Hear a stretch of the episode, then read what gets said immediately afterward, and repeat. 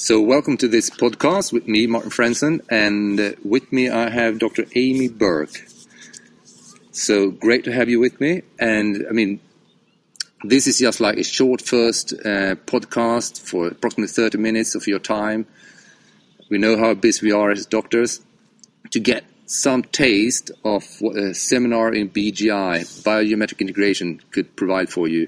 And uh, obviously, the marvelous, phenomenal Amy Burke, who's one of the masters in BGI. Now, when Sue's passed on, you are one of the few rares that actually can keep this work spreading out to more chiropractors. So it's great to have you here. And soon we will have seminars in September in Stockholm and other places, Paris and in Hamburg and so forth. Exactly. Exactly. So, I, I, even though you're we're doing a podcast and people don't have the visual, I would just like to point out that you're actually with me. I'm yes. not with you, and we're on the beautiful island of Pantelleria. Uh, at the lake that is named after uh, is named for the mirror of Venus, and it's absolutely stunning. So um, I just feel like it's important people know that we are physically in the most beautiful place ever. Exactly. uh, and I'm sitting with a bare chest, trying to keep away the sound, the muffled sound from the things that wind and so forth. So I'm actually with you in Amy, where you, where you live, and I have the pleasure to get adjusted right. by you here as well, which is just like a marvelous experience because that gives the possibility to really bring BGI into my physical body. And, and it's really cool because being on a volcanic island, I find that the the resonance is magnified. Yeah. So when people get checked and receive care, it's a completely different experience than being in an urban setting or even being in a country setting that mm. doesn't have that volcanic component because the the magnetic forces on the island are so strong that everything is magnified. Yeah. So, um, so yeah, so we can just get right into BGI. Um, I was attracted to BGI in large part because when I was in chiropractic college, there were a few fundamental aspects of chiropractic that didn't make entire sense to me. And I kind of swallowed them and thought, okay, I'll deal with that when I get out of school. But for right now, I know the party line is that we're a chiropractor and we fix subluxations. Yeah. And that was that was what we were taught. And I was I was gravely concerned about both of those issues. One being the word subluxation. Um, I graduated from the University of California at Berkeley. I am a little bit of an academic snob.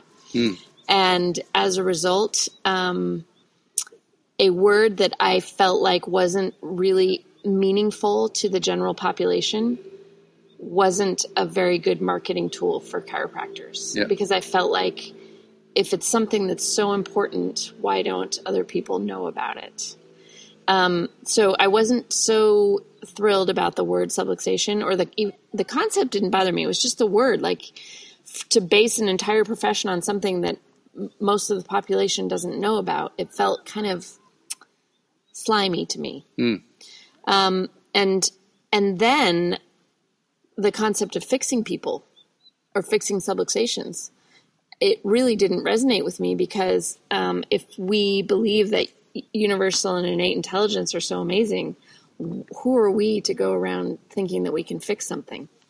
And so there were a few incongruencies and inconsistencies in my chiropractic education that I was quite uncomfortable with, but I was really committed to the process. And so I let them go.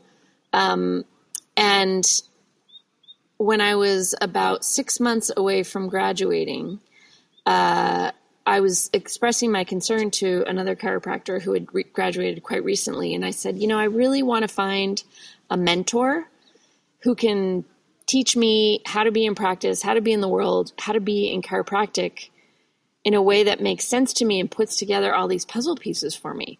And what I thought she would say was, that person doesn't exist. You are that person. Mm. You just have to make it happen. Uh, and instead, what she said is, you need to meet Sue Brown. Mm. And I thought, oh, well, that shouldn't be that hard. I don't know who she is or where she is, but I can meet anybody.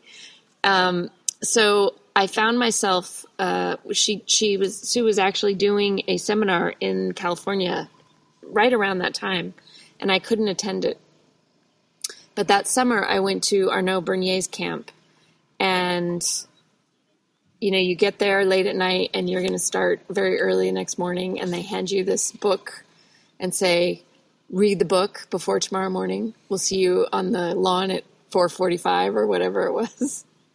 And um, so I went to my room and I read the bios of all the people that were going to be teaching. Mm. And one of them was Sue Brown. And I thought, I've done it. I'm going to meet Sue Brown. This is so exciting. And when I met Sue Brown, I kind of came up to her and said, Are you the Sue Brown? And she said, Probably, but that makes me really uncomfortable. and right then, I was touched so deeply by her humility. And that is a piece of both Sue's personality, and as a result, it is deeply reflected in the work.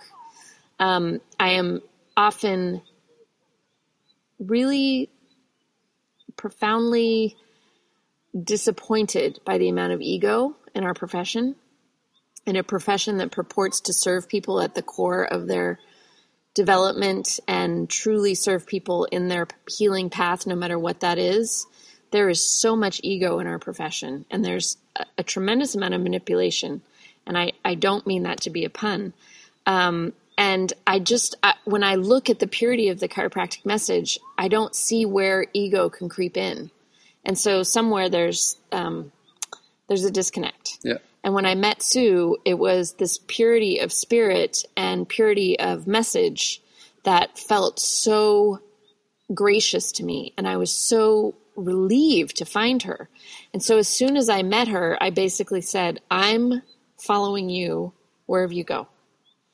And you're my person. You're now my you're my chiropractic person and I want to know everything that you know. And at that time, I really didn't know how brilliant she was or how incredibly profound her work would be in my life and in the lives of so many people.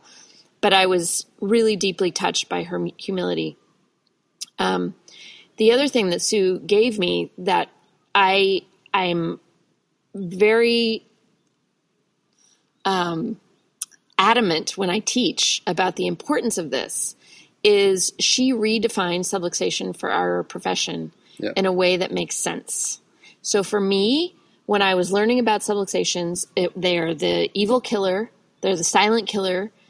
We as chiropractors are going to be good foot soldiers, and our only mission is to kill subluxations. I'm not a military personality. Like I am not out there to, to kill stuff. Yeah. That's it's never been my goal. Otherwise I would have not become I would have become something other than a chiropractor. And so even just the um, the posters and stuff, the fear-based message that you're supposed to, you know, get people under care for life, but the reason they're coming is cuz they're terrified that if they don't come, they're going to die. Yeah. We're all going to die. And so, how do you want to spend your time? I don't want to go to the chiropractor because I'm afraid not to on the days that I have to dedicate to my wellness and my well being. I want to go to the chiropractor because that is going to be a step and an unfolding in my growth and evolution as a person. Exactly. And so when I met Sue, she talked about subluxation and she said for for her the whole concept of subluxation was that it was a piece of information that at the moment that we experience that in our life, so whether it was an emotional event, a physical event, a chemical event, a spiritual event, a mental event, anything that our body was unable to integrate at that moment, because we are exactly where we're supposed to be at the exact moment we're supposed to be there to learn the lesson that we're supposed to learn from that experience. So everything is important, right? Our body, if we're unable to integrate it, our body will store it. If we are able to integrate it, perfect. It becomes part of our physiology, it becomes part of our music. We evolve and grow and develop and spiritually mature through each event. If we're unable to integrate it, it becomes part of our physiology and it is stored as tension in our system. And so our goal as a chiropractor is to get into that person's system and allow their body to release that stored tension. And not only just to release it, but to then have it be reintegrated into their body on a cellular level so that those messages or those inputs, those experiences can be fully integrated into our physiology. So, great. On one hand, I have a new definition for subluxation that makes sense to me as Amy Burke chiropractor. So, that's good. I'm happy about that.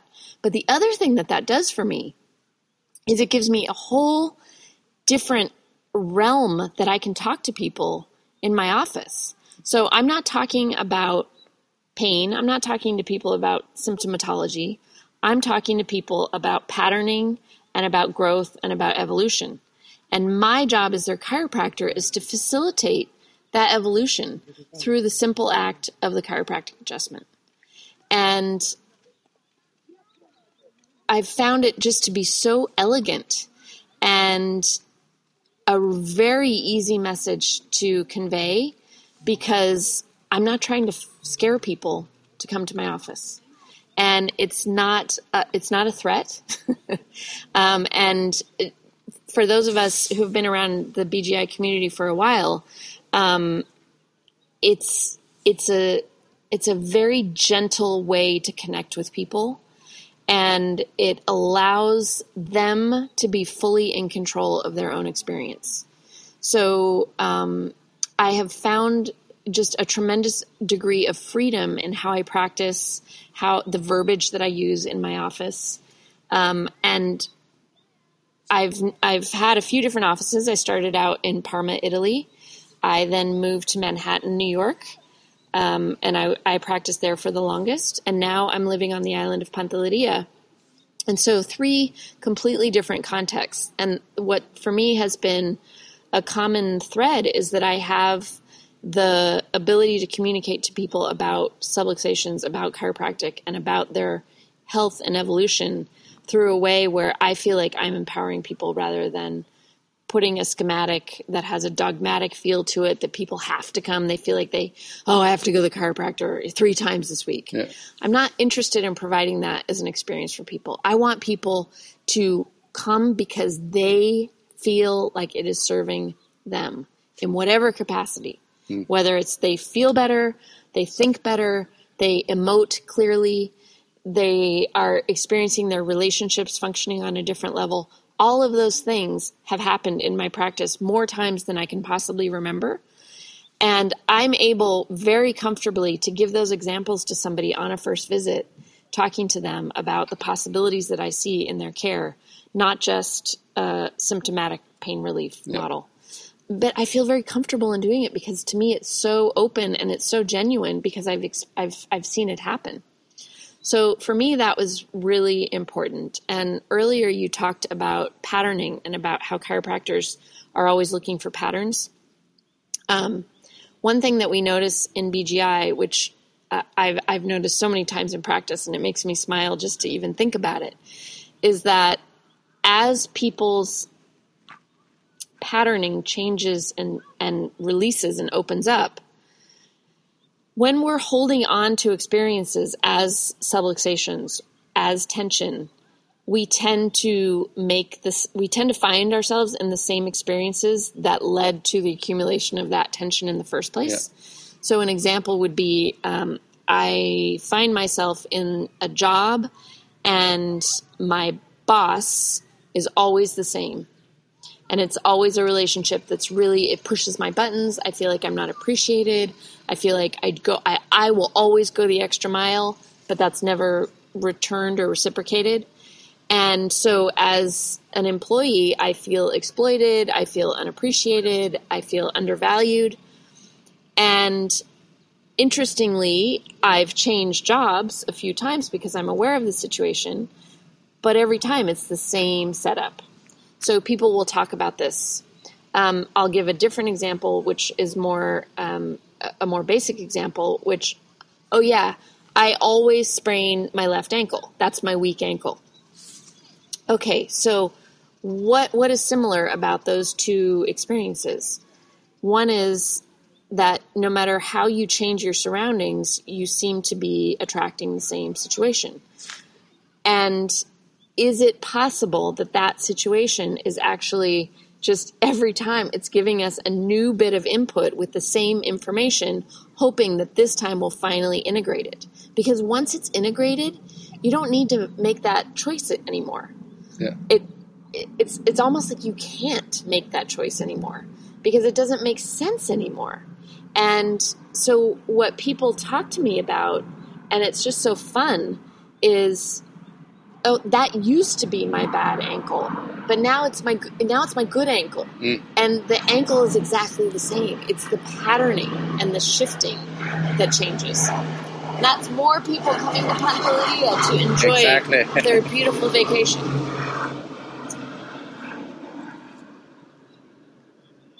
Yeah. Um, so I love watching how people's lives change with this work. And I've been in enough chiropractic offices and spent enough time around chiropractors to know that every single chiropractor has amazing things happen in their office. So BGI has absolutely no ability to say, we're the best at creating permanent change in people's lives. Um, so I can only speak of my own experience, but I can just share that it is such a beautiful, elegant application of of allowing people to explore possibility and then being enriched by the freedom that happens in their both in their physiology and then in their life as a, as a result of the choices that they make because of how we approach the physical the physical body.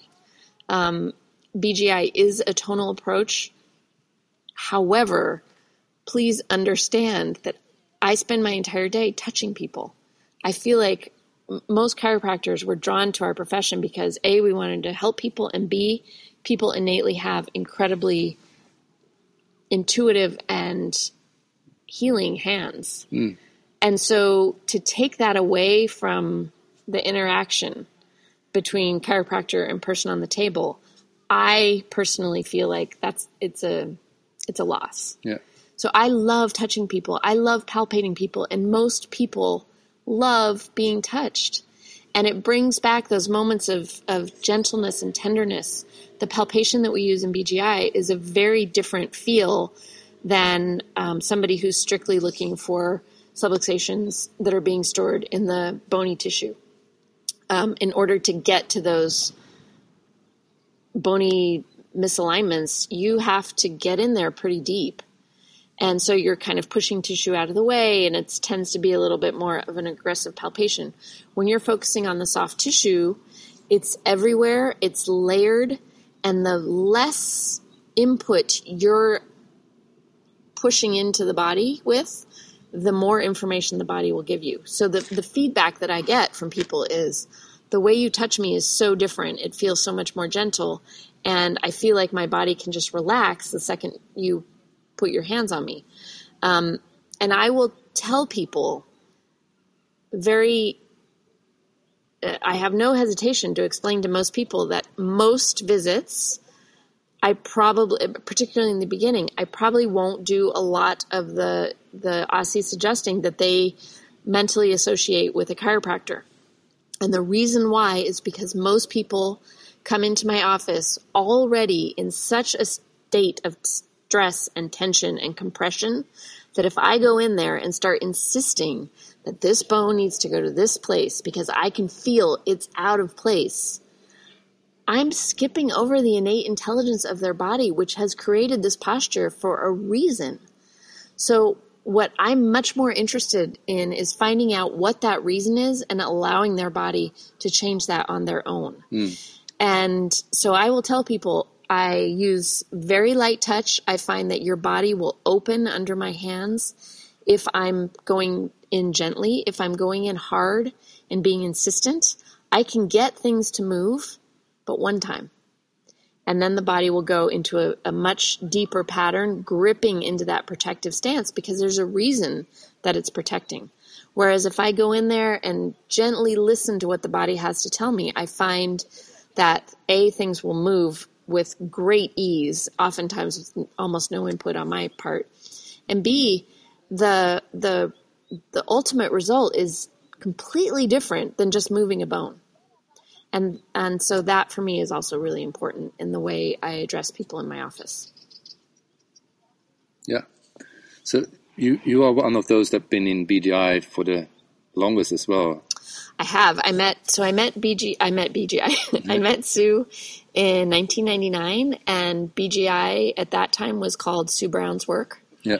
Um, and Sue Brown did not like that term because what she said is no one, and I repeat, Yeah. no one does Sue Brown's work except for Sue Brown, Yeah.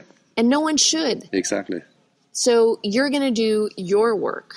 And this is another thing I love about BGI is for each person it's like you bring every bit of knowledge and richness that you have accumulated in your years in practice, in your years of studies, in your years of life outside your practice. You bring all that to the table and then we go from there. So I know there's some seminars where people will come for a weekend and then they'll go back and say to their CA, from today forward, everything is different. You know, instead of having 10 tables in one room, we're going to, I'm only going to see one person at a time or vice versa. I've only seen one person at a time. We're knocking down the walls. We're going 10 tables where it's going to be an open adjusting room. And from now forward, things are going to be different. And what I find absolutely extraordinary about that is that it works and that people continue to go to their chiropractor because they love their chiropractor and they are enamored with the results that they get no mm-hmm. matter what technique is being being applied. Yeah. So for me, great. You love moving bones? Super. Come to a BGI seminar. Let's look at what you're actually doing, how those patterns are set in the system, and where the appropriate points of, of release are going to be most effective. So instead of having to move seven bones in a on, a, on one adjustment or on one visit, you can actually move one and affect all seven of those areas. Yeah. Um, and we used to make a joke. People would say, "Oh, BGI is it takes so long to get adjusted," and you know I can't do that because I'm a high volume practitioner. And we would say, "Well, if you can do one, if you can with one osseous adjustment affect those seven correlated areas, Yeah. that's high volume." Um, a few years ago, I was teaching in Germany, and there was a chiropractor there who I feel like he was seeing between two and 300 people a day. And at one point, I had a moment of insecurity as a teacher, thinking, there's no way he's going to be able to really incorporate this into his practice. And it was so cool because within two weeks, he sent me an email and said, I'm establishing continuity on every single person I see before I adjust them. Now, what that tells me is that I, he sees people for maybe two minutes. Yeah. And within that two minutes, he's noticing a big enough change with establishing continuity, which is something we can talk about at a later time. Um, but he's noticing a big enough change that he's willing to dedicate 15, 20, or 30 seconds of that two minutes Yeah. to that process because the result is that much better. Yeah.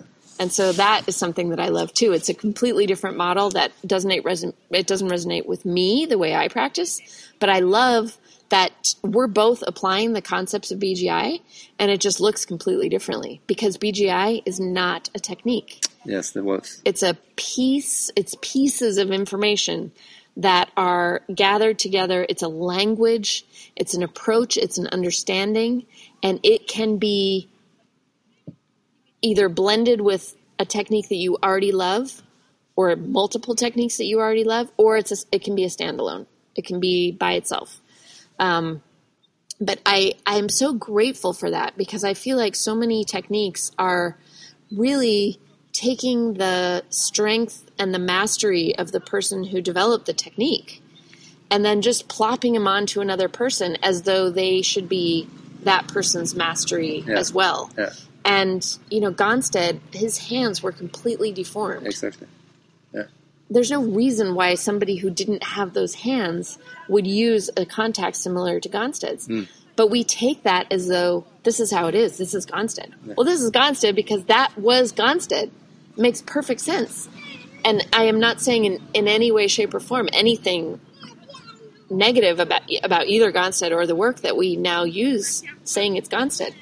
But each time we lose one of our masters, it seems like the work tends to stagnate. Yeah. And um, Sue was so clear from the beginning of meeting her that she used to say, "This work doesn't end with me." And I and I would be sad if it did because what I want is to to create a thirst in each of you that will have you go deeper and deeper and then you come back and you teach me what you've learned. And that again, talking about the ego and chiropractic, to, to have somebody who really was a master say, I want to learn from you, and I want you to tell me what you're feeling so that I can understand how you're coming about things. It was such a different educational approach to me. And and I loved it. Yeah. Yeah, very humble approach. Yeah. Um, I think we'll settle for that for this first Good. podcast. Perfect. And uh, all that listening to this, uh, wherever you find this, it will be close by.